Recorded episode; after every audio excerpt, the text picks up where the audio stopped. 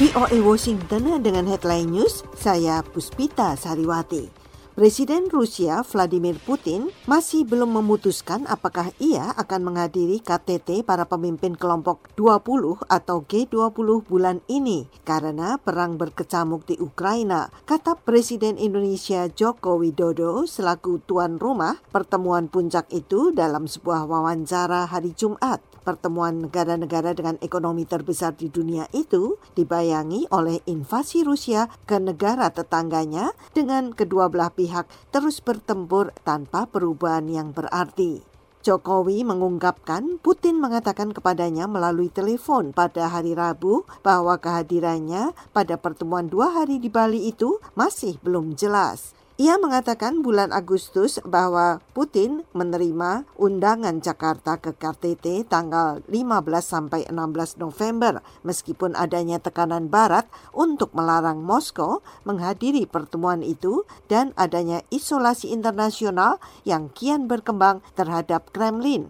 Indonesia menekankan kebijakan luar negeri yang netral dalam perang Ukraina dan juga mengundang Presiden Ukraina Volodymyr Zelensky ke pertemuan puncak di mana ia diharapkan untuk ikut serta secara virtual.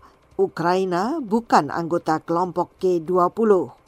Korea Selatan menerbangkan jet-jet tempurnya hari Jumat setelah mendeteksi 180 pesawat militer Korea Utara yang dimobilisasi di sebelah utara perbatasan, kata militer Korea Selatan.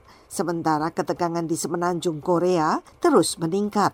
Pesawat Korea Utara dideteksi di beberapa daerah pedalaman dan dilepas pantai kedua sisi Korea Utara selama sekitar 4 jam mulai pukul 11, kata Kepala Staf Gabungan Korea Selatan. Sebagai tanggapannya, militer Korea Selatan mengatakan segera mengerahkan 80 jet tempur, termasuk pesawat tempur siluman F-35A.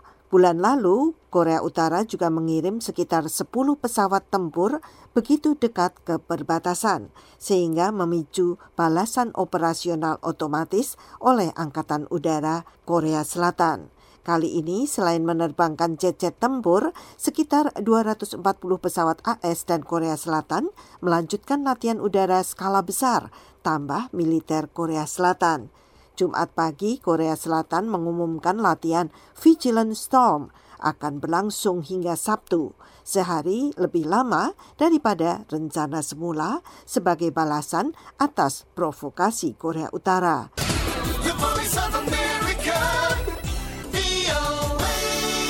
Pasukan pertahanan udara Israel hari Jumat menyerang target-target di jalur Gaza sebagai balasan atas tembakan roket dari sisi Palestina Kamis malam.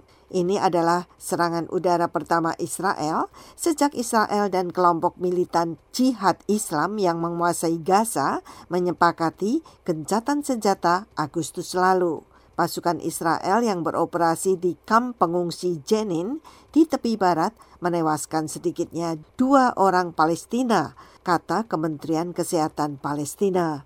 Menurut kelompok militan Palestina, salah seorang yang tewas adalah seorang komandan setempat.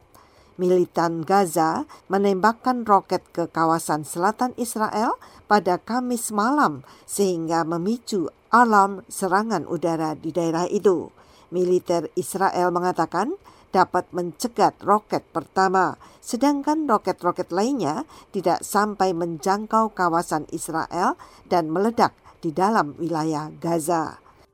Pihak berwenang India hari Jumat menutup pabrik-pabrik dan lokasi-lokasi konstruksi, membatasi kendaraan bermesin diesel, dan mengerahkan alat penyiram air dan senjata anti kabut untuk mengendalikan kabut dan asap yang menyelimuti Cakrawala, wilayah ibu kota.